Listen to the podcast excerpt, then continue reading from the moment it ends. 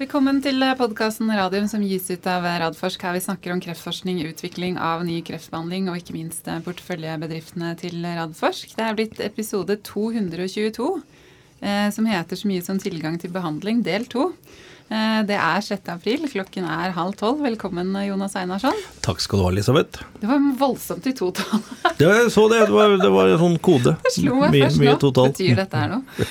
Eh, alt er bra? Ja da, det ja. er det. Hektisk? Absolutt ja, hektisk. Mye, mye, byggevirksomhet om dagen. Det er mye bygge. Du står eh, med hammer og sag? Det er vel mer prosjektering og regulering og tomter og kommune og ja, nok, nok å ta seg til. Ja, Så bra. Ja, så har vi hyggelige gjester i dag eh, fra Kreftforeningen. Velkommen Stine Høybakk Nissen, som er spesialrådgiver, og Thomas Akselsen, som er seksjonssjef for samfunnspolitikk. Tusen takk. Tusen takk. Du må snakke inn i mikrofonen, Stine. Ja. ja så bra. Eh, Thomas, du har vært med oss eh, før. Vi hadde en sånn valgspesial i høst hvor vi tippa riktig helseminister. Det stemmer. Ja, det var bra. Mm. Ja, Ingvild Kjerkol. Eh, apropos henne, vi skal prøve å få henne med i podkasten også. Og ikke minst snakke om det vi skal snakke masse mer om i dag, med tilgang til eh, behandling. Veldig fint at dere er med oss. Vi hadde jo med oss Karoline eh, Kritzen og Katrine Bryne fra LMI forrige uke. og så litt på det her fra Legemiddelforeningens side, men da er det mer pasientperspektivet i dag. Så der har du enda et eh, totall, del to? Del to, ja. ja. Jeg vet. Så det kommer til å gå gjennom podkasten her. Men vi må ha noen nyheter før vi går, skal snakke mer med dere. Mm. To nyheter. Eh, hva sa du? To nyheter. To nyheter. to og en halv. 2,2. Eh, nei, vi kan begynne med Ultimax. De skal ha investordager i eh, Norge og Sverige, eh, der man kan møte ansatte i selskapet og egentlig ha litt sånn der spørre om hva man vil. Etter hva jeg har skjønt, eh, Du er jo styreleder, så jeg bare ja. ser på deg for begrunnelsene her. Ja, det er kjempegøy. Mm. Eh, vi har jo fått en fantastisk dyktig IR-direktør i, eh, i Ultimox, Anne Worse. Han har gjort veldig mye spennende. Og dette her er altså meet, meet the team, på godt norsk, eh, hvor flere av eh, de ansatte skal være med. Jeg skal også være med her i eh, Oslo. Det gleder jeg meg veldig til. Og det er nettopp eh, ikke som en presentasjon bare. Jeg er litt veldig spent på hvordan de legger det opp, men det viktigste er at her kan folk stille spørsmål om hva de vil i forhold til teknologi, selskapet, utvikling, finansiering, hva det måtte være. Og så prøve å få til en samtale på det for å bli bedre kjent med selskapet. Så det, det, det blir gøy å være med på. Ja. Eh, og Oslo-eventet det er da 20. april. Finner mer informasjon på Ultimax sine nettsider. Og så har jeg skjønt det sånn at eh, man lodder litt hvordan stemningen er i andre byer i Norge og Sverige.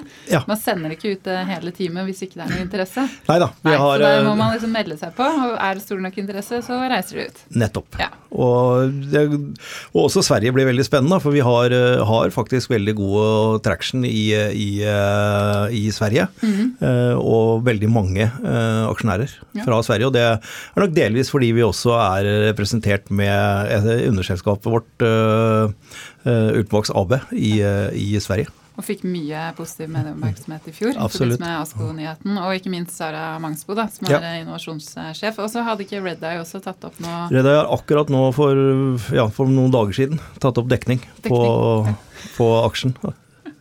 Veldig bra. Vi kan gå videre til Nordic eh, Nanovektor. De melder jo da at de eh, Altså det er jo ikke Dette er vel opp til generalforsamlingen hvis det er sånne formaliteter. Ja.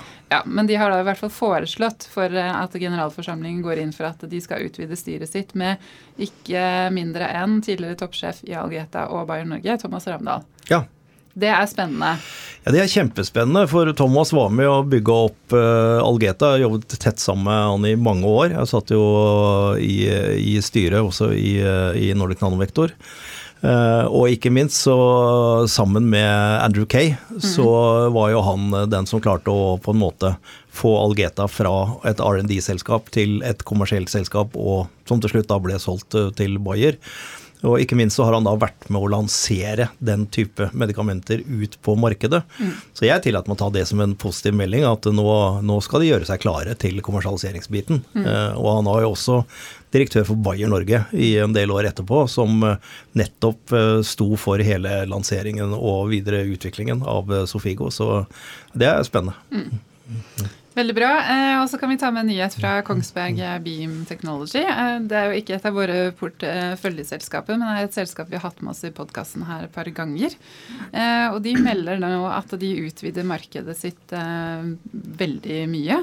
Eh, altså De utvikler jo da en teknologi som kan gjøre strålebehandling mer treffsikker. Og så tidligere har de kun fokusert på, på protonbehandling. Men de har jo godeste Øyvind Bruland med seg inn i eh, det styret, eller advisory board, det husker jeg ikke helt i farta. Men eh, har, han har kikka litt på dette, og sammen med selskapet så ser de nå at den teknologien her den kan faktisk brukes til å gjøre all strålebehandling mer treffsikker, hvis det går sånn som de mm. vil. Så de er i gang med en emisjon nå i april på, på 20 millioner kroner. Så hvis det er av interesse, så er det bare å gå inn på nettsiden der og så finne mer informasjon om det også. Eh, og så tenkte jeg bare Siste nyhet eh, her, det er jo da det med at eh, Nycode la fram årsrapporten og hadde en presentasjon 1.4. Jeg vet ikke om du hadde tid til å følge med på den? Ja? Nei, jeg har ikke fått tid til å se på den ennå, men jeg har sett veldig, veldig kort på, og det, det er vel som, som vi hadde forventa. Det er jo blitt et ganske solid og veldig raskt voksende selskap, så veldig, veldig spennende å følge utviklingen videre der. Ja. Jeg fulgte, fulgte med, men, og det, var, ja, det er alltid gøy å se de presentere, og se når de presenterer antall eh, penger de har på bok. Ja. og alt hva de skal gjøre. Altså, det blir så morsomt å se framover nå. Det, de, de, har virkelig i det seg for å bli dette store globale Absolutt. Kanskje det lokomotivet man trenger i Norge? Forhåpentligvis. Det ja. hadde vært fantastisk morsomt å få bygd opp vårt eh, eget, eget lokomotiv. Ja. Det, det, det hadde virkelig. Det er alltid gøy å eh, følge de. Eh, men da skal vi snakke om tilgang til behandling. Men aller først, så vi liker jo at folk presenterer seg først i podkasten. Thomas, du har vært med oss før, men vi tåler en recap. Ja, Thomas Akselsen er leder da samfunnspolitisk seksjon i Kreftforeningen. Vi jobber med politisk påvirkningsarbeid, myndighetskontakt, og bl.a. mye med dette temaet her som gjelder tilgang til behandling. Mm. Og du Stine? Ja, jeg, jeg heter Stina Høyvak Nissen og er spesialrådgiver i Kreftforeningen. Jeg jobber i seksjon for strategi og analyse. Um, og ja, bakgrunnen min er at jeg har mastergrad i helseledelse og helseøkonomi. Og så er jeg sykepleier og har jobbet flere år på Rikshospitalet. Så alle de, alt det kommer godt med når vi jobber mye med tilgang til eh, medisiner i Kreftforeningen. Mm. Mm. Og så si litt om Kreftforeningen også. For jeg tenker jo, at dere er jo kanskje dere er vel den største pasientorganisasjonen i Norge, og den mest kjente. Og, og, også den som folk har mest tillit til, også, hvis jeg husker riktig, fra sånne målinger. Men dere gjør så utrolig mye, så si litt om, litt om alt dere gjør. Ja, og det du nevner der som handler om omdømmet vårt, er jo helt avgjørende for at vi skal få til egentlig alle de tingene vi ønsker å få til på vegne av kreftpasienter og deres pårørende. Men i Kreftforeningen så jobber vi med tre eh, hovedmål. Altså vi jobber for at færre skal få kreft, vi jobber for at flere skal overleve kreft, og så jobber vi for at de som må leve etter en kreftdiagnose, skal ha, kunne leve best mulig liv. Eh, så det betyr at vi dekker egentlig kreftfelt fra A til Å, fra forebygging og helt inn eh, i døden. Eh, og det gjør vi på en rekke ulike måter. Blant annet så er vi eh, en av egentlig tre store forskningsfinansiører i eh, Norge. Vi bevilger ca. en tredjedel av alle midler som går til kreftforskning i Norge. Det var ca. 270 millioner i 2021. Og så jobber vi med tilbud for pasienter og pårørende. Alt fra kjøretjeneste til og fra sykehus til rådgivning og rettshjelp. Så jobber vi med politisk påvirkningsarbeid, kommunikasjonsarbeid, eh, osv. Alt dette skjer, eh, og det er det kanskje ikke så mange som egentlig vet, uten at Kreftforeningen får eh, så å si noe som helst i statsstøtte. Så Kreftforeningen lever av innsamla midler. så mm. Det er jo også grunnen til at dette med omdømme er så avgjørende mm. for oss.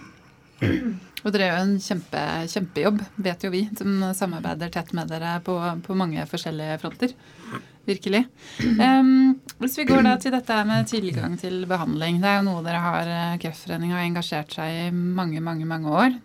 Jeg holdt på å si dessverre, for det burde jo ikke vært sånn. Men fortell litt, eh, Stine, om hvorfor dere gjør det. Ja, altså eh, Dette temaet er jo veldig viktig for alle våre medlemmer og de som gir penger til oss. Eh, og i Norge så er vi jo så, Vi er jo vant med i Norge å tenke at vi har verdens beste helsevesen. Eh, og vi har tilgang på det beste innen behandling. Og sånn er det jo for de aller fleste. Kirurgi er jo hjørnesteinen i, i kreftbehandlingen. Men Ja, så Det er veldig viktig å understreke. Det er god behandling å få i Norge. Men så ser vi at etter Beslutningsforum kom, så har kreftpasienter blitt satt i, i sentrum for veldig tøffe prioriteringer. Um, omkring halvparten av alle beslutningene uh, jo, handler jo om, eller sakene der handler om, om kreft. Og når man ikke klarer å bli enige, eh, og innføringen utsettes, eh, som det ofte blir, så blir jo kreftpasienter eh, skadelidende, eller pasientene da, som det omhandler, blir eh, skadelidende tredjepart. Og så opplever vi jo også samtidig at det er en del positive initiativer eh, som kommer nå, som også du var inne på i forrige mm. podkast, Jonas, som er kjempebra. For det er gått fra å være litt sånn skyttergravsretorikk til at man har skjønt at vi må nødt til å samarbeide. Vi må ha dialog. og men det er likevel liksom noe som stemmer når vi som verdens rikeste land ikke har råd til å ta i bruk eh, disse legemidlene. Og, og, i tillegg så er det et problem dette med hvordan disse prioriteringene også bygger opp, en, bygger, bygger opp en sosiale forskjeller i samfunnet. Mm. Vi ser at her blir en, denne todelingen. Og vi har en sånn egen befolkningsundersøkelse som vi har hvert år, og den Siste vi hadde nå, den viser at ca. én av fem eh, ikke under noen forutsetninger hadde hatt mulighet økonomisk eller gjennom sine nettverk til å kjøpe seg behandling privat dersom Norge ikke finansierer den. Mm. Og det, det, er 20% av befolkningen. Og, det, og så er det ikke, det er ikke bare bare heller å skulle de som har mulighet til å ordne en spleis, da. Ikke sant. Det, det er, eh, det er noen kostnader ved det også. Mm. Uh, og hvis du får inn alle pengene, og så, og så, kjøper du deg behandlingen, og så går du rundt og føler kanskje at du, du skylder noen noe. Ikke sant? Det offentlige tok ikke, tok, ikke, tok ikke, for deg, men du skylder noen andre noe. Så. Ja, det der er vanskelig, altså. Mm. Ja, virkelig. Det, ja.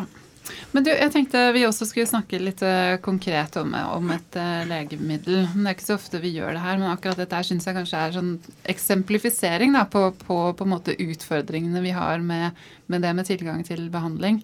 Um, det er et le legemiddel som heter Revlimid, eh, som er vedlikeholdsbehandling for pasienter med, med benmargskreft. Eh, dette er jo en litt spesiell pasientgruppe, fordi de blir jo ikke kurert. Mm. De må jo bare ha met uh, nye metoder hele tiden, eller ny behandling, for de blir resistente.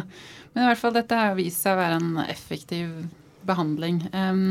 Og så blir den da innført 1.3 i år, altså 2022. Men det er da fem år etter at Statens legemiddelverk, SLV, har laga en sånn metodevurdering av behandlingen. Um, og så For de som ikke er så kjent med liksom, Det er så mye begreper her. Dette er et komplekst system. Så akkurat den der metodevurderingen, den det er jo noe som alle legemidler i Norge må gjennom. Det er en på, pålegg, og det er det SLV som, som gjør. Eh, og da ser de på eh, altså Det er en sånn kunnskapsoppsummering av effekt, sikkerhet, kostnadseffektivitet, og så baserer det seg på dokumentasjon som de får fra altså det legemiddelselskapet som har utviklet legemiddelet. Eh, og de skal da gjøre en vurdering i løpet av 180 dager. Det tror jeg ikke de holder i det hele tatt. Men det er ressursproblemer som de har internt der. Eh, og det noen ganger så viser de til at de ikke får inn dokumentasjonen de skal ha for, fra selskapene også. Eh, og så da den metodevurderingen går jo da videre til Beslutningsforum, og en stor del av den beslutningen som tas eh, der. Um, men hvis vi da går tilbake sånn, Det var litt for å ha bakteppet for å få med lytterne i dette her. Men tilbake til Revlimid. Hva, her har jo dere Kreftforeningen engasjert dere. Hva er det som har skjedd her? Ja, det er jo en uh, litt spesiell sak, og det var også grunnen til at uh, vi satte jo denne altså i referansegruppa for evalueringen av nye metoder. Og dette var en av disse sakene som vi spilte inn til systemet, så vi syntes var en, en, sak det var viktig å, å få gått litt igjennom. fordi Altså, for det første, Revlimid har jo mange ulike indikasjoner. Så dette er jo en av disse indikasjonene som handler om å få Revlimid som vedlikeholdsbehandling eh, etter stamcelletransplantasjon for de som har myelomatose. Eh, og studiene viste jo at pasientene hadde jo nær tre år forlenga levetid med den behandlingen. Og det er ganske unikt, så det her var liksom noe spesielt. Det, var, det er mange kreftmedisiner som viser seg å ha liksom bare noen få ekstra måneder. Her snakker vi plutselig år. Og nå er denne medisinen, det er jo som du sa, den har jo ligget i systemet i det tok jo nesten fem år før den fikk en beslutning om innføring, og det var etter at patentet hadde gått ut, og da fikk man plutselig 90 eh, rabatt, ikke sant. Eh, men det som var viktig for oss ved å gå litt videre med denne saken, at i løpet av disse årene så er det jo nesten 500 pasienter som ikke har fått tilbud om å få dette som vedlikeholdsbehandling. Eh, og så har den riktignok vært godkjent i første linje, så da med en gang de har fått tilbakefall, så får de tilbud om denne medisinen. Men det kan jo ta tid, ikke sant. Og, så det er det med at de ikke har fått tilbud om det. De har ikke visst om kanskje at det har vært en mulighet heller. Ikke sant. Og det så der tenkte vi at her må vi, her må vi undersøke litt nærmere, og vi, må få, vi, fikk, vi fikk noen tips, ikke sant, for det er jo vi avhengig av. Og da skjønte vi at ok, her er det noen veldig gode argumenter, både på helseøkonomisiden, men også for klinikerne som var eksperter inne her, og som opplevde å ikke bli lytta til. Og det er et problem, for vi er helt avhengig av at klinikerne har mulighet til å få gi eh, ordentlige innspill, og at de blir lyttet til. At ikke Legemiddelverket plukker ut hvilken kliniker er det vi skal lytte til her. Hva er det som passer best overens med det som passer vårt bilde. Um, og så I tillegg så var det noe med at de gjorde noen valg, eh, Legemiddelverket gjorde noen endringer som gjorde at det kanskje leg legemiddelet ikke fremsto som så, uh, hadde så god effekt som det egentlig hadde. Um, og da valgte vi å gå ut med den saken her for å eksemplifisere det. At det her uh, trenger vi å kvalitetssikre det arbeidet som blir gjort i Legemiddelverket. For det er jo det viktigste beslutningsgrunnlaget som Beslutningsforum har. Og vi vet jo også at for for noen år tilbake så kunne jo Legemiddelverket konkludere med om det, de mente at dette var kostnadseffektivt eller ikke. Så ble det tatt bort. Beslutningsforum ønska ikke at de skulle stå der lenger. Og så valgte de ok, men da bare slutter vi med det. Men Dagens Medisin gjorde en gjennomgang før det og så at i 31 av 31 saker så hadde Beslutningsforum vært helt enig med Legemiddelverket mm. i om det var kostnadseffektivt eller ikke. Mm. Så da vet vi at dette er viktig. Og det er klart at da er det behov for å gjøre en kvalitetssikring av arbeidet, mener vi. Så vi har kikka litt nå på altså denne blåreseptnemnda i sin tid. Det var jo en ordning som var oppretta i 2004 for å egentlig bistå Legemiddelverket med å kvalitetssikre grunnlaget for de beslutningene de gjorde om forhåndsgodkjent refusjon for legemidler. Og Det blei altså oppretta for å styrke troverdigheten. ikke sant? Så dette er, vi trenger å ha legitimitet, de beslutningene som blir tatt. Mm. Så når det blir et nei, så må du forstå hvorfor. Du må være sikker på at ikke det er bare Legemiddelverket som har gjort en fasta jobb, eller, eller, hvis de ikke har ressurser nok til faktisk gå godt nok ned i, i dybden her. Mm. Mm. mm. Så bra. Men um, um, Altså, dere påpekte vel også at det var mulig at det hadde blitt gjort en feil her av, av SLV. Hvordan har de stilt seg til den påstanden? Um, ja, altså Nå har vi hatt samtaler med dem i etterkant mm. uh, om dette her. Og det er klart vi ser jo på de svarene vi får, at de ser nok at ting kanskje kunne gjort annerledes. Samtidig så stiller de også spørsmålet altså Det er jo industrien som også har bevisbyrden her. Mm. Men jeg, jeg tenker at det her vitner om at det er behov for dialog og samarbeid og en kvalitetssikring. Så det, um, og, og, det vi fra vårt fra pasientenes ståsted ser, er at her er det, det er uenighet mm. mellom uh, fagekspertene. Og da kan det ikke være sånn at Legemiddelverket har all makt dette her handler om fordeling av en maktkonsentrasjon, og det må systemet bare erkjenne. Mm. Eh, at de har, For det opplever vi også litt egentlig at Legemiddelverket prøver å skyve dette ansvaret fra seg. Det er ikke vi som tar beslutningene. Nei, men det er også de som leverer det aller viktigste beslutningsgrunnlaget. Og da må ja. de ta det ansvaret det er. Så hvis ikke de opplever at de har tid eller ressurser nok til å faktisk undersøke alle eh, parameterne som jo skal inn i disse helseøkonomiske analysene nøye nok, mm. så må de lene seg mer og ha mer systematisk gjennomgang av det. Mm. Så eh, vi mener fortsatt at her er det åpenbart noe som er gjort annerledes. Og det tro, opplevde jeg også egentlig at Legemiddelverket så at kanskje det var noe de kunne gjort annerledes. men vi er mer opptatt av den, på, hvordan skal vi unngå dette her i fremtiden. Mm. Eh, og da er det denne kvalitetssikringsmekanismen som evalueringen også påpeker at det er behov for. Mm.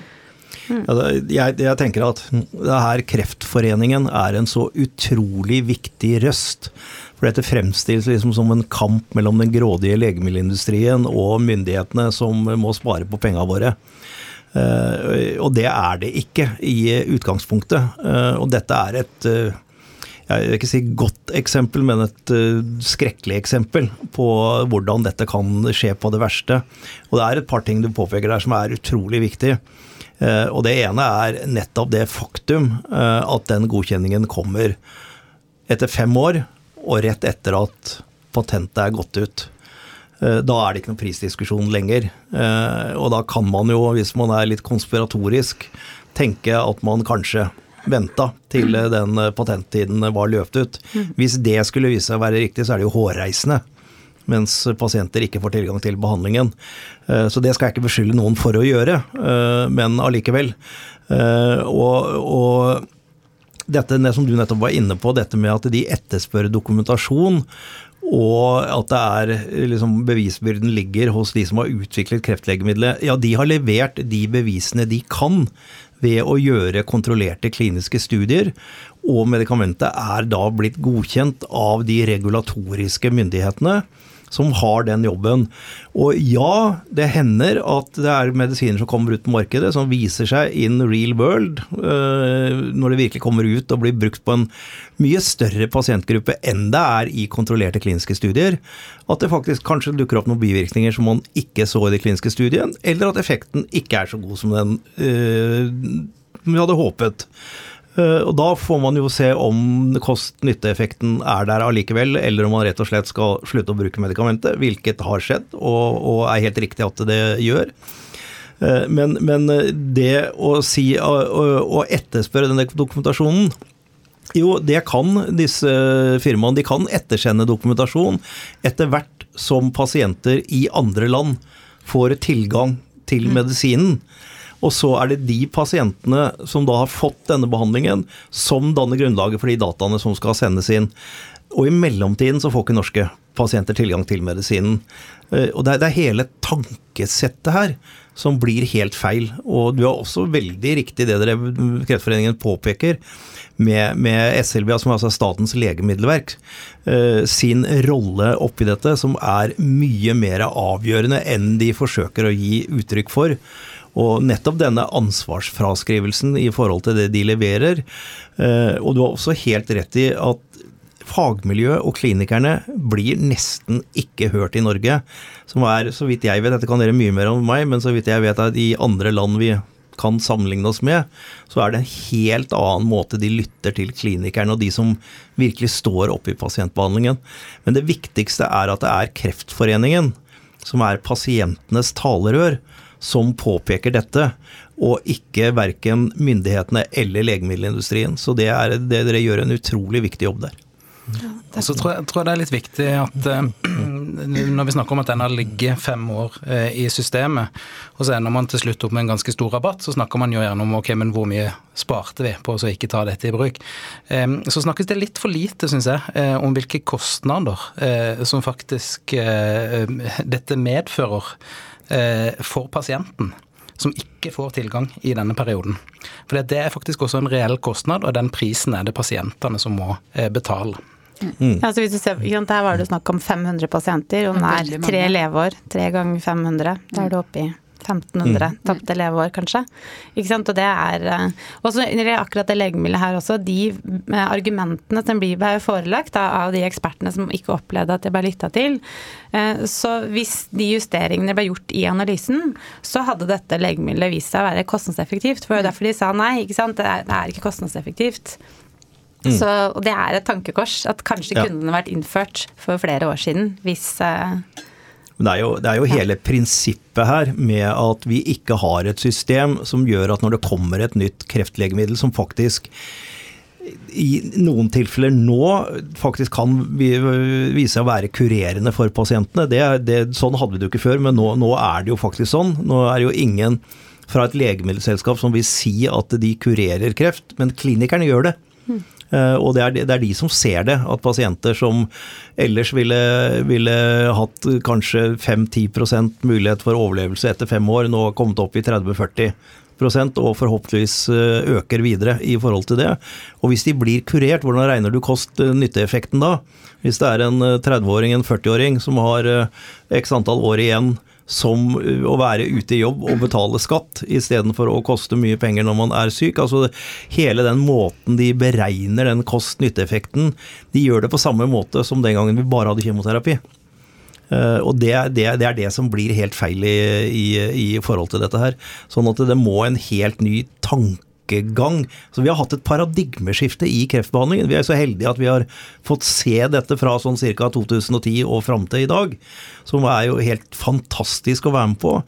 Eh, men, men, jeg har sagt, og det er sikkert litt flåste, men jeg mener at disse saksbehandlerne i, i Statens legemiddelverk de sitter med de samme Excel-arka som de brukte for, for cellegift kjemoterapi.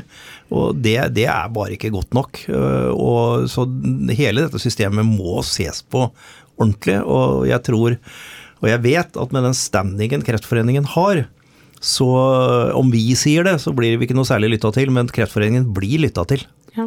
Og, men i den sammenheng vil jeg også bare si at etter at vi har gått ut med dette, så opplever vi virkelig at Legemiddelverket har vært på banen og kommet oss i møte. Og, og, de har vært eh, villige til å gå i dialog med oss. og Vi har hatt flere møter med dem, så vi opplever de som at de, de lytter og, og, ønsker å gjøre et forbedringsarbeid. Og vi eh, ser jo at de står i en ekstremt vanskelig situasjon. Og det var jo også ute i Dagens Medisin og sa at de har mangel på ressurser. De har mm. kjempehøy turnover. og det er et problem. De gjør, de gjør et kjempegodt stykke arbeid, eh, og så må de bare få de ressursene og, de rammene de trenger. Mm. Og, og for, men samtidig, vi, her er det en, en, et samarbeid som må til, god, god dialog, og det opplever vi også. Så at, eh, de er jo ikke her i dag til å forsvare seg heller for, for de påstandene vi også kommer med, men, men vi opplever um, absolutt at her har vi en god dialog. Så nå er vi mm. opptatt av å se framover og finne de gode løsningene sammen. Og ikke mm. bidra til noe mer sånn skyttergrav, men uh, Nei, mm. det er viktig.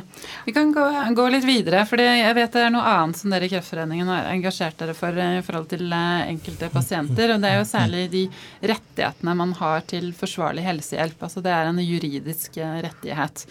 Og som heller ikke blir ivaretatt av det systemet man har i dag. Kan ikke, kan ikke dere forklare oss hva det egentlig innebærer?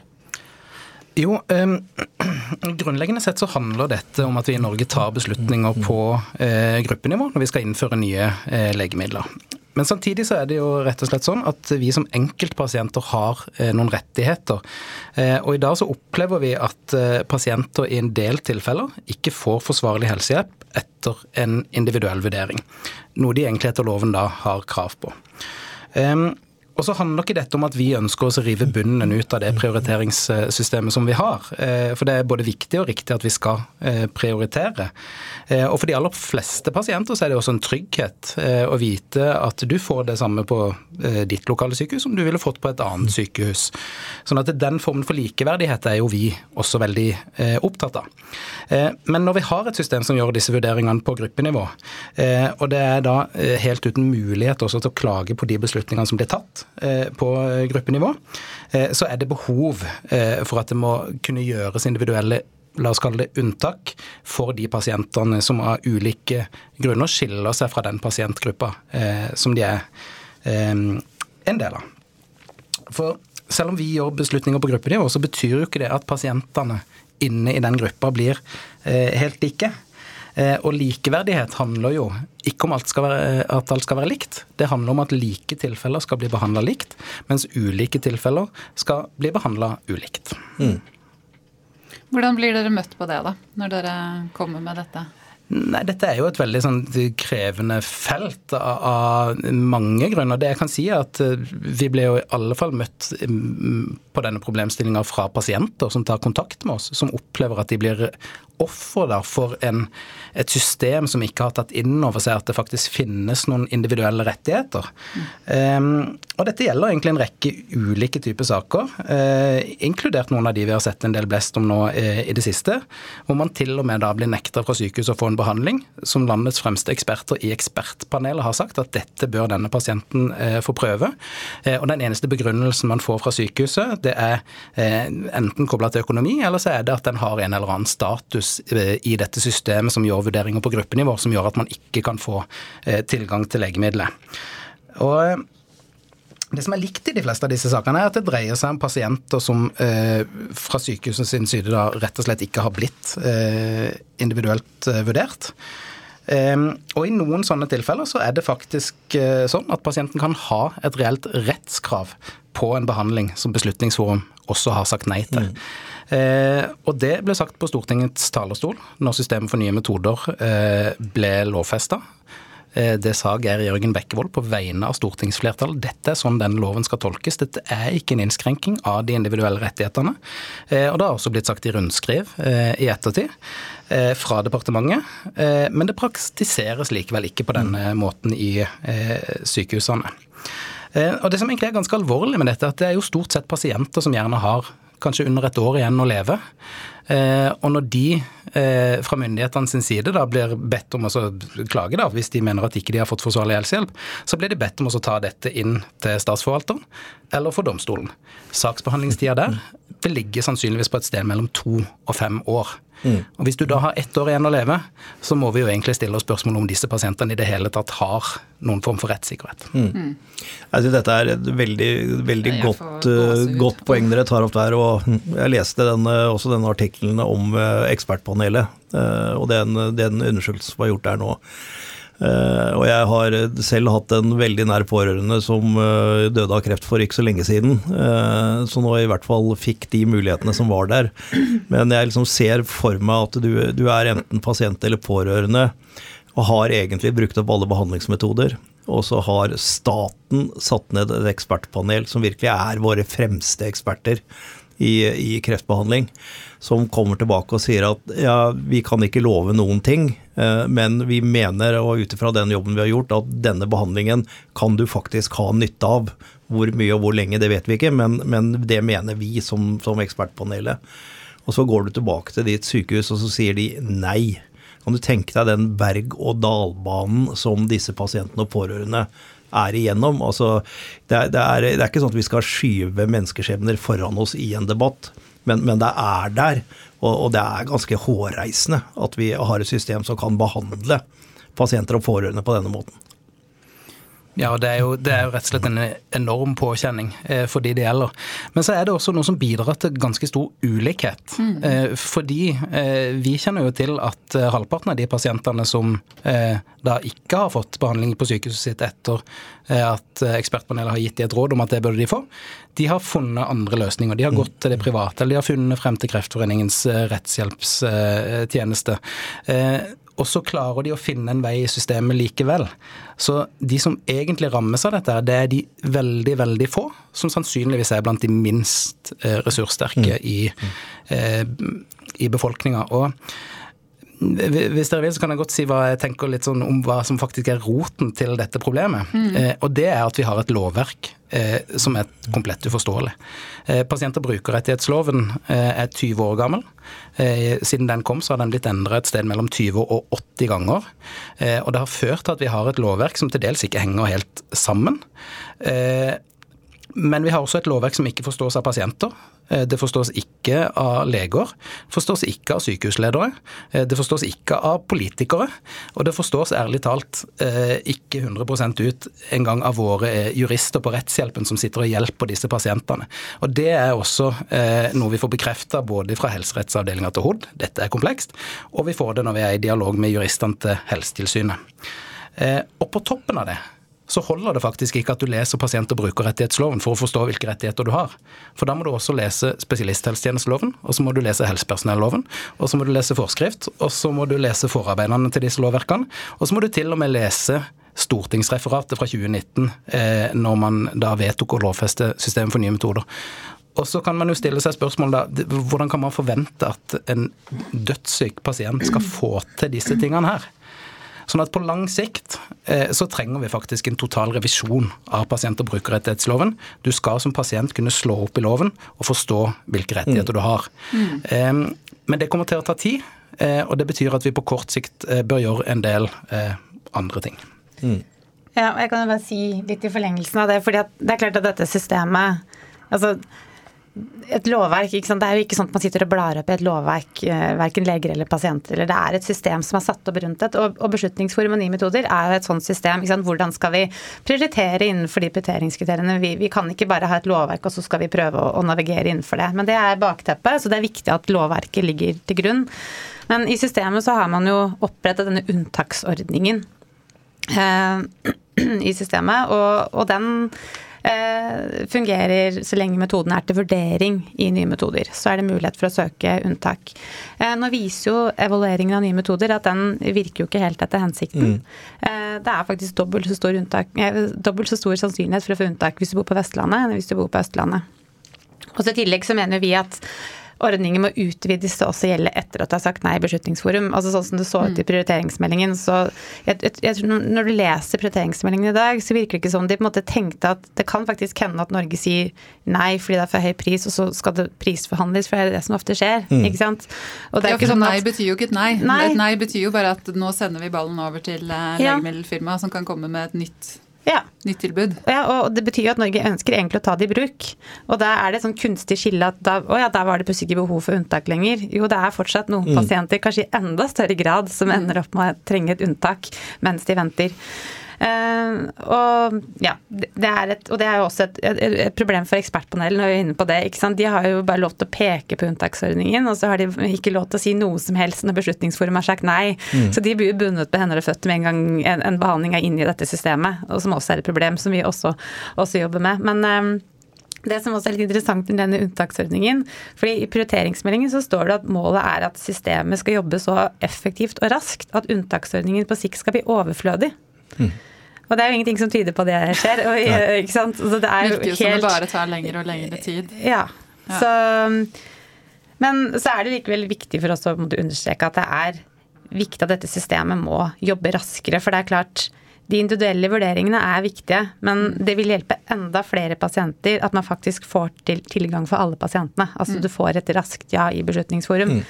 Og det vil kreve godt samarbeid med industrien, men det vil også hjelpe eh, om Norge gikk sammen med de andre nordiske landene for å styrke forhandlingsposisjonen sin, selvfølgelig, mm. overfor industrien og blir et mer attraktivt marked.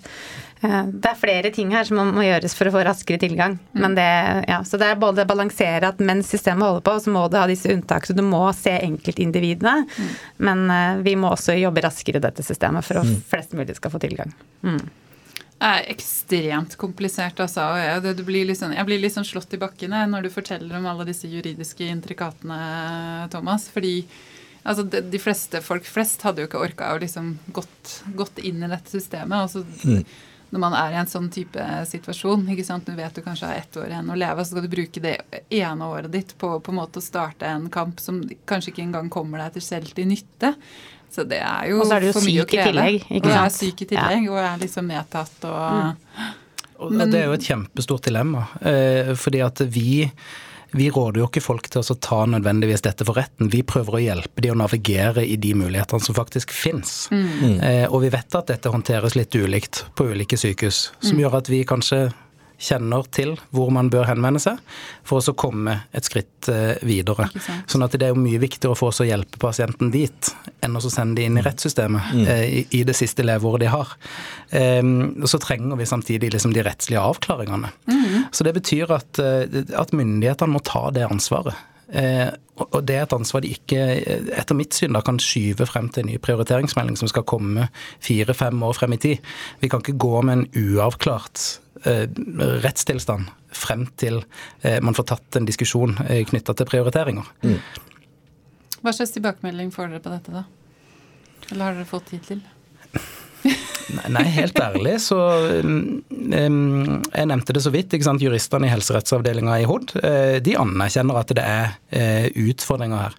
Uh, men dersom de skal gjøre et større utredningsarbeid knytta til pasient- og brukerrettighetsloven, så vil jo det ta ressurser fra noe annet, så det havner i en eller annen sånn form for prioriteringskø. Ja.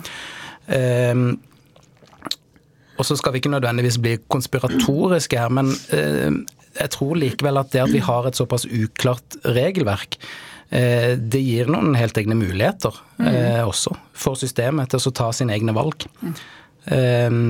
Så det kan jo også være i myndighetenes interesse at vi har dette uklare regelverket. Mm. Det håper og tror jeg jo egentlig ikke er en begrunnelse for at vi har den fastlåste situasjonen vi på en måte har mm. når det gjelder å komme videre med dette sporet. Men, for pasientene eh, så har det ingenting å si hva som er begrunnelsen. De trenger klarhet i hva som er deres rettigheter, og de trenger eh, en mulighet til å hevde eh, den retten de tross alt har. Mm. Vi, det er så mye å snakke om rundt dette med tilgang, så vi kan gå litt videre også. Snakke litt om pris og betalingsvillighet på, på legemidler i Norge. Jeg tenkte vi skulle først se litt på det her med betalingsvillighet. Der har jeg inntrykk av at den er høyere i land det er naturlig å sammenligne oss med, sånn type Sverige, Danmark. At den betalingsvilligheten i Norge ligger rundt sånn 800 000. Er det noe dere ser, ser det det samme? Ja, altså Det er jo ikke helt kjent i Norge hva den faktiske betalingsvilligheten er. Det er den jo i England f.eks.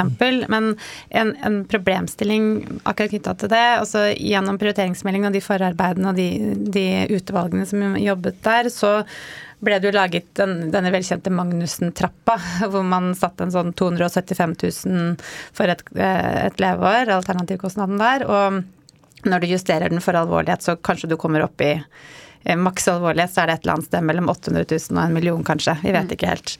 Eh, litt av problemet med denne, disse summene som er satt den gangen, det var jo 2015, og den har ikke blitt eh, prisindeksjustert eller noe som helst. Så sannsynligvis så kan man kan argumentere for at betalingsvilligheten til Norge den blir lavere for hvert år som går, for at man har ikke diskutert den.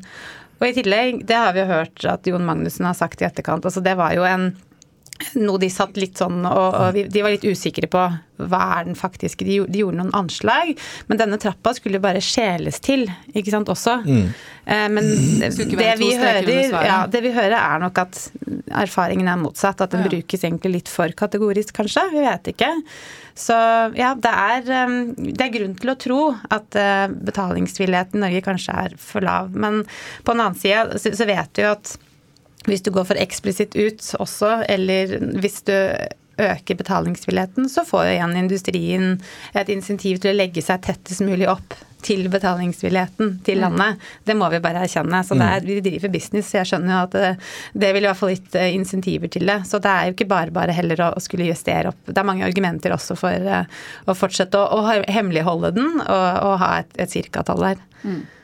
Men det med at eh, den prisen man bruker, eller det, det man bruker på legemidler, eh, ligger på en 6-7% av hele helsebudsjettet, da, og at det ligger fast der ganske lenge, hva tenker dere om det, da?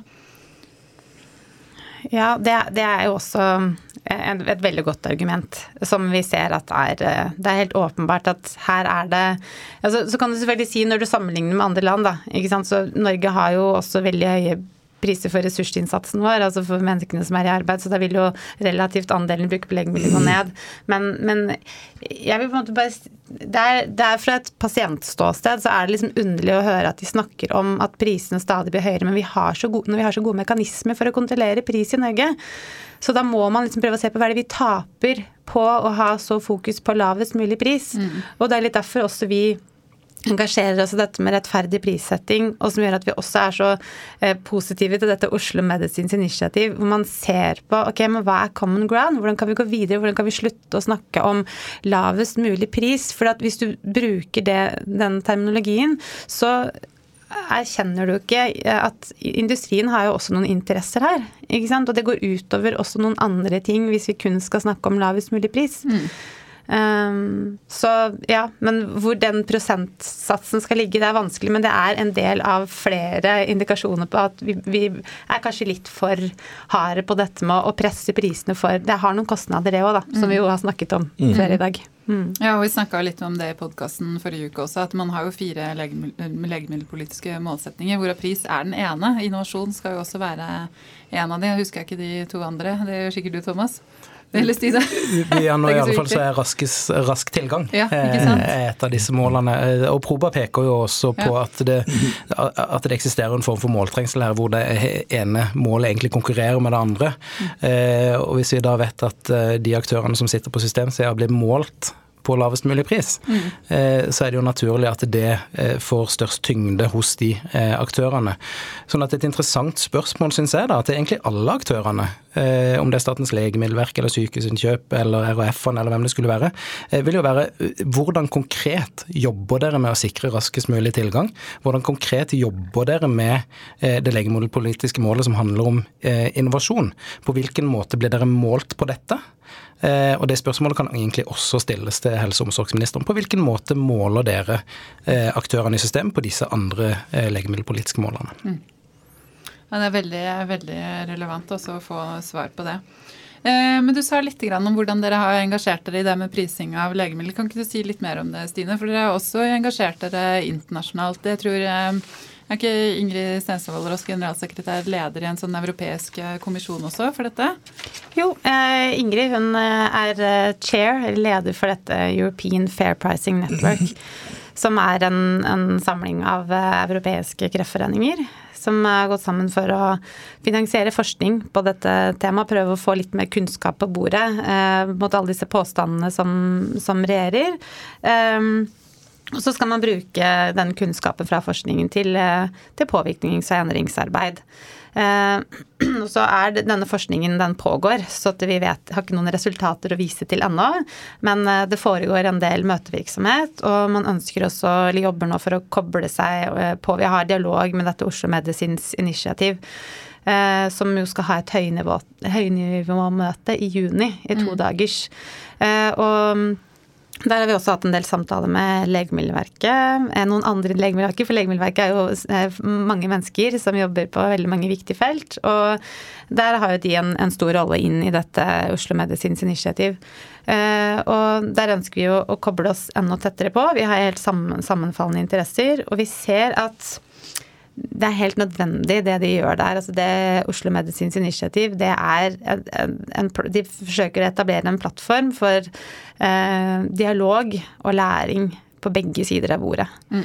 Her handler det om at vi skal ikke ha disse skyttergravene. Vi må bare mm. Hva er det vi faktisk kan, hva er det vi kan enes om?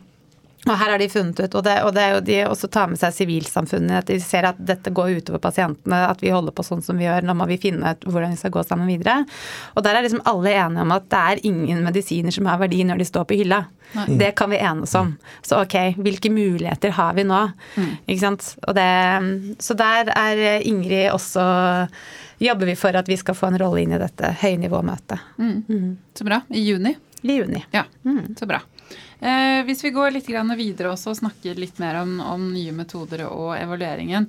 Ja, Stine, du sitter i referansegruppen til nye metoder. Hva, hva, er, din, hva er rollen til referansegruppen? Ja, denne referansegruppen har jeg sittet i på vegne av Kreftforeningen siden jeg startet i Kreftforeningen for fem og et halvt år siden. Eh, og den har jo hittil vært bare en sånn samling av alle aktørene som er berørt, og, og de som sitter i systemet. Eh, men som også evalueringen peker på, at den bærer litt preg av å være en informasjonskanal.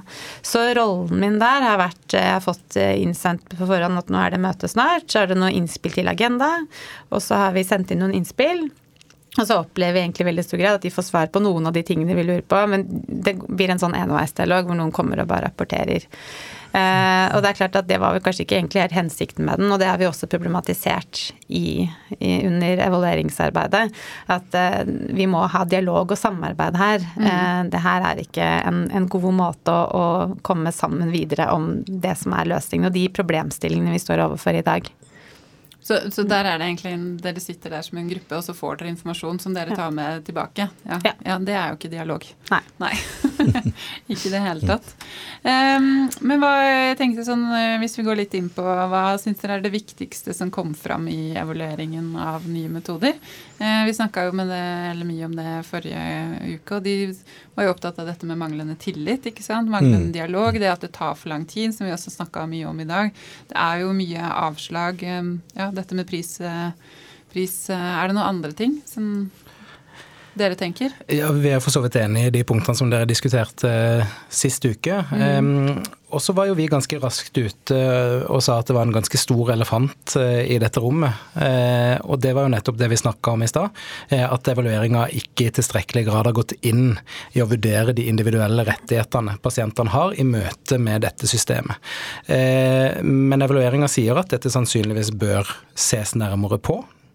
Eh, det kunne vi sagt allerede i 2019 når man satte i gang med dette arbeidet. Det var en av begrunnelsene for at vi faktisk jobba for at det skulle komme en evaluering. Og det var en av de viktigste diskusjonene i Stortinget i 2019. Eh, og så har vi også fått en eh, evaluering av ekspertpanelet i senere tid som sier akkurat det samme. I stedet for at de faktisk går inn og ser på disse problemstillingene, så sier de vi trenger en ny evaluering eller et nytt utredningsarbeid som skal se på dette. Konsekvensen av det er jo at Ingvild Kjerkol nå sannsynligvis kommer til å skyve dette inn i en prioriteringsmelding og en diskusjon som ligger veldig mange år frem i tid. Så det mener jo vi at var et av de viktigste funnene, at man rett og slett ikke hadde gått inn i denne problematikken på tilstrekkelig måte. Men ellers er jo selvfølgelig tidsbruken i systemet noe av det aller viktigste. Mm. At vi sammenligner med både Danmark, Sverige og England eh, bruker lengre tid. Eh, det er noe vi ikke kan eh, leve med. Mm. Eh, og det er viktig at eh, Proba sin evaluering på en måte anerkjenner det som har vært opplevelsen fra mm. både oss og mange andre aktører på veien. Mm.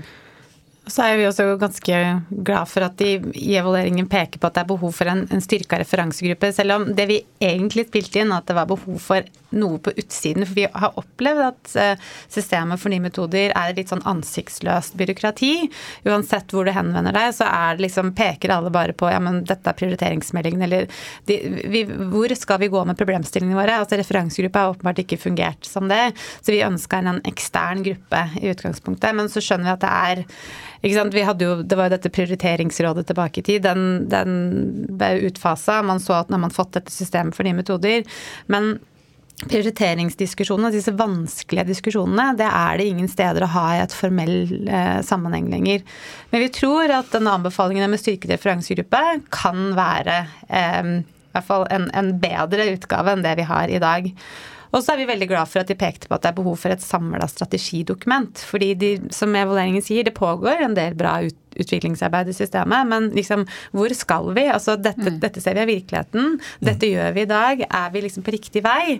Der opplever vi litt at det er litt sånn armer og bein i systemet. At de ja, det blir litt underkommunisert uh, og, og, og, underprioritert, egentlig, dette arbeidet med tilgang til nye medisiner sammenligna med alle de andre oppdragene som, som systemet har, eller som RF-ene har. Og så er vi veldig glad for at de eh, gikk gjennom unntaksordningen eh, og sa noe om den, og sa at den ikke fungerer.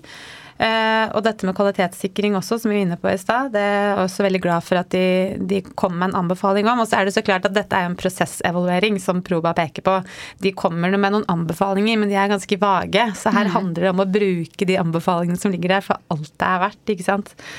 Eh, og så ser vi også at, eh, som de sier, at systemet er jo ikke rigget for fremtiden. Vi tolker det og leser det på den måten. Eh, og blant annet så sier de at det er gjenstår et omfattende utviklingsarbeid når det gjelder registre og fagsystemer for å kunne ta i bruk alternative prisavtaler i et større omfang enn det man gjør i dag. Og det handler jo det gjennom real world evidence ikke sant? Og, mm. og dokumentasjonen av, av, pasientens respons på behandlingen. ikke sant? Og det det er jo litt sånn vi ser på med litt bekymring, men som jeg er glad for at evalueringen peker på. Men det er jo en stor, lang rapport. og ja, Så her handler det om å bare dykke ned i den og si hei, dette står her, hva skal vi gjøre med det? Mm. Mm. Men hva har skjedd da, etter evalueringen, sånn som dere ser det? Der var vel egentlig Katrine og Karoline ganske enige om at det ikke hadde skjedd så veldig mm. Det har jo gått noen oppdrag fra Helse- og omsorgsdepartementet, både til RHF-ene, til Legemiddelverket og andre aktører i eh, systemet. Og så skulle vi nok ønske at de oppdragene var hakket mer eh, offensive. Um, og det er litt sånn uklarheter også i deler av de formuleringene vi finner f.eks. når det gjelder dette med raskere tilgang. Eh, så står det på ett sted i oppdragsdokumentet at man skal jobbe for raskere tilgang, mens i det konkrete oppdraget så står det at man skal få saksbehandlingstida ned. Um, ja. Og det kan være sammenfallende, men det trenger jo faktisk ikke å være det. For dersom man f.eks. kutter ut dialog, så kan man kutte sin egen saksbehandlingstid ganske kraftig. Eh, men den totale tiden til pasienten får tilgang, kan jo likevel gå opp. Mm. Så vi trenger faktisk at aktørene Eh, både innad i systemet, men også med de utenfor, går sammen og finner ut av hva kan vi til sammen gjøre? Hvordan kan vi sammen ta eierskap til hele denne prosessen her, mm. for å sørge for at ting går så raskt som mulig? Mm. Eh, og, og, dette var dere jo litt inne på forrige uke også, eh, at veldig mange av de problemstillingene vi ser nå, de visste vi jo om for to, tre, fire år siden også. Mm. Eh, men systemet er på en måte så overarbeida at de har ikke kapasitet til å sitte og jobbe med reelt utviklingsarbeid. Sånn at eh, den jobben vi må gå i gang med nå, eh, burde vi jo sannsynligvis ha starta på for en god del år siden. Men samtidig så er det jo sant, det som er vår fordel nå, nå er jo dette Nå står det svart på hvitt, ikke sant, og det er ofte det byråkratiet trenger også. ikke sant, Det kan være mye snakk, og de jobber i vei, på en måte, men når det står der, så må de forholde seg til det. Så jeg har jo tro på at nå har vi et større momentum enn noen gang. Samtidig så um, Ja, vi er litt bekymra for uh, prosessene på samme måte som Karline Katrine sa forrige uke. Vi, har, vi gikk jo ut sammen uh, og skrev en kronikk hvor vi sa at dette er et startskudd for nytt samarbeid. Vi er kjempeklare. Evalueringen påpeker jo at det er behov for økt dialog og samarbeid. Mm. Så vi håper jo at dette oppdraget som har kommet til RF-ene, selv om ikke det står at de skal involvere eksterne aktører, så jo, sa jo også Ingvild Kjerkol på, på, scenen fra den helseøkonomiske fagdagen til LMI for uh, noen uker tilbake at uh, her eh, forventer jeg jo at eksterne blir involvert. Mm. Og så vet vi at det skal være et, et heldagsmøte i systemet nå i slutten av april hvor dette oppdraget står på agendaen. Eh, så jeg er jo spente på hva som kommer ut av det. Eh, når skal de opprette denne styrkede, styrkede referansegruppen? Og så står det også i evalueringen at de, de, anbefaler at denne styrka referansegruppa er med i å utarbeide dette samla strategidokumentet. Så det håper vi jo også at skal skje. Mm. Så ja, vi har noen forventninger. Så vi er klart vi kommer til å bli skuffa hvis ikke de blir mm. innfridd. For evalueringen er så tydelig på det, at her er dialog og samarbeid helt avgjørende, rett og slett. Mm. For at vi skal få til raskere tilgang. Så bra. Jeg ser tida, tida løper for oss. Jeg tenker vi kan ta med oss eh, siste spørsmål. Altså Hvis dere i Kreftforeningen hadde kunnet uh, styre, hvordan, hva slags system ville dere hatt for å gi uh, tilgang til behandling? Ja, ikke sant? Og det, og det, er et kjempegodt spørsmål. Og Hvis man kunne kastet alt opp i lufta, hvordan ville man at det skulle sett ut da? Og Det er klart og det var også tanker vi, vi tenkte og har tenkt mye på, også i forbindelse med evalueringen. Men så var det helt åpenbart at denne evalueringen skulle ikke ta for seg alternative måter egentlig å organisere dette på. Ehm, så da måtte vi gjøre noen valg når vi ga innspill. På den ene siden hva kan vi gjøre for å forbedre dagens system? Og på den andre siden skulle vi foreslått noen helt konkrete endringer. Man kan jo velge å se til andre land, og så ser vi at det er jo egentlig ingen land som på en måte har dette perfekte tilgangssystemet heller, så det handler jo om å skru til. Så vi har vel egentlig per nå konkludert med at, eh, som også evalueringen sier, man er enige om disse grunnprinsippene. Og kanskje er den organiseringen det beste. Altså, vi må forholde oss til at vi har RHF-er. For dette handler mye også om budsjettene som de har. At de må prioritere innenfor budsjettet, og det handler igjen om et styringssystem som er satt, struktur som er satt der. Så mm, det Vi forholder oss til at systemet ser ut som det gjør, og vi mener at det er Eh, store forbedringsmuligheter for å jobbe raskere i alle ledd, eh, som gjør at vi kan få raskere tilgang. Så det er vel egentlig det halvkorte, halvlange svaret på det. Det er, det er ingen enkle, okay, enkle svar. Det var ikke noe lett eh, spørsmål å svare enkelt på, for å si det sånn. Einarsson, etter å ha hørt på dette, hva tenker du? Nei, Jeg tenker at to ting. Det ene er at det er utrolig viktig at dere fortsetter å, å holde dette brennhett på agendaen. Eh, altså både alle meldinger som kommer fra pasienter, ikke minst fra klinikere og fra hele systemet, viser jo at dette fungerer ikke godt nok sånn som det gjør i dag. Eh, og det jeg savner, er det som, eh, som Thomas var inne på, det var disse oppdragene som ble gitt. Eh, du, du, sa vel sånn litt diplomatisk at de kunne vært litt mer offensive. Jeg tenker at helseministeren, enten heter Bent Høie eller Ingvild Kjerkol, må skjønne at dette er helseministerens ansvar. Og det er helseministerens ansvar å gi noen oppdrag som sier finn løsninger på dette nå. Vi trenger ikke flere utredninger. Vi vet akkurat hvor skoen trykker og hva som må løses. Og det er kun ministeren som kan gi den marsjordren. Eh, og det kan være Ingvild Kjerkol sin mulighet nå til å vise at hun er handlingsdyktig og ikke bare lar departementet sende ut oppdrag på sånn som de alltid har gjort det. Kan dere utrede videre og se hva man kan foreslå, og så skal det tilbake, og så er vi inne i nye runder, og så havner vi plutselig i prioriteringsmeldingen, som du sier. Og det, det, er jeg veldig redd for. Så det er utrolig viktig å holde dette bredt på agendaen. Når det gjelder hvilken modell man skulle valgt, så er den egentlig veldig enkel. Det er når et nytt kreftlegemiddel, kanskje også andre legemidler, det får man se på, er godkjent av de regulatoriske myndighetene, så må pasientene få tilgang til den umiddelbart. Og så er, det, så er det opp til myndighetene Det er det tyske systemet. Det er det tyske systemet, som jeg syns er, er helt utmerket.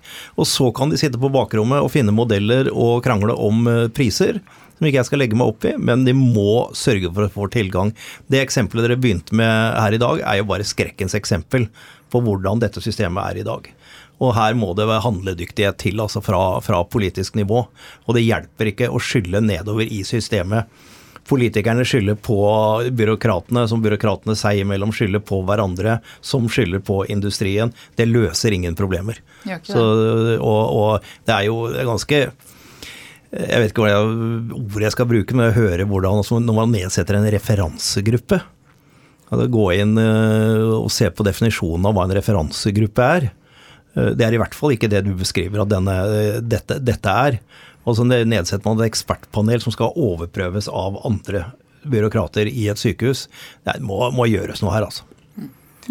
Og det siste du sier der, og som du for så vidt sier flere ganger, Jonas, det er jo at eh, vi trenger en eh, helseminister som går fra ord til handling. Vi har fått en rekke meldinger, vi har fått en eh, rekke planer og strategier og det ene og det andre. Eh, Så når dere får besøk av Ingvild Kjerkol til eh, del tre av den her, får håpe det ikke blir episode 333, eh, Satser på at det ikke blir det. det- Da tenker jeg at det må være en av utfordringene som dere kan viderebringe fra oss. eh, At vi trenger nå at vi går fra ord til reell handling på dette området. Flott. Det var eh, flotte, bevingende siste ord. Tusen takk for at dere kom i podkasten, Thomas og Stina, og lykke til videre med viktig arbeid. Og tusen takk for at de fikk komme. Mhm. Flott. Takk for i dag.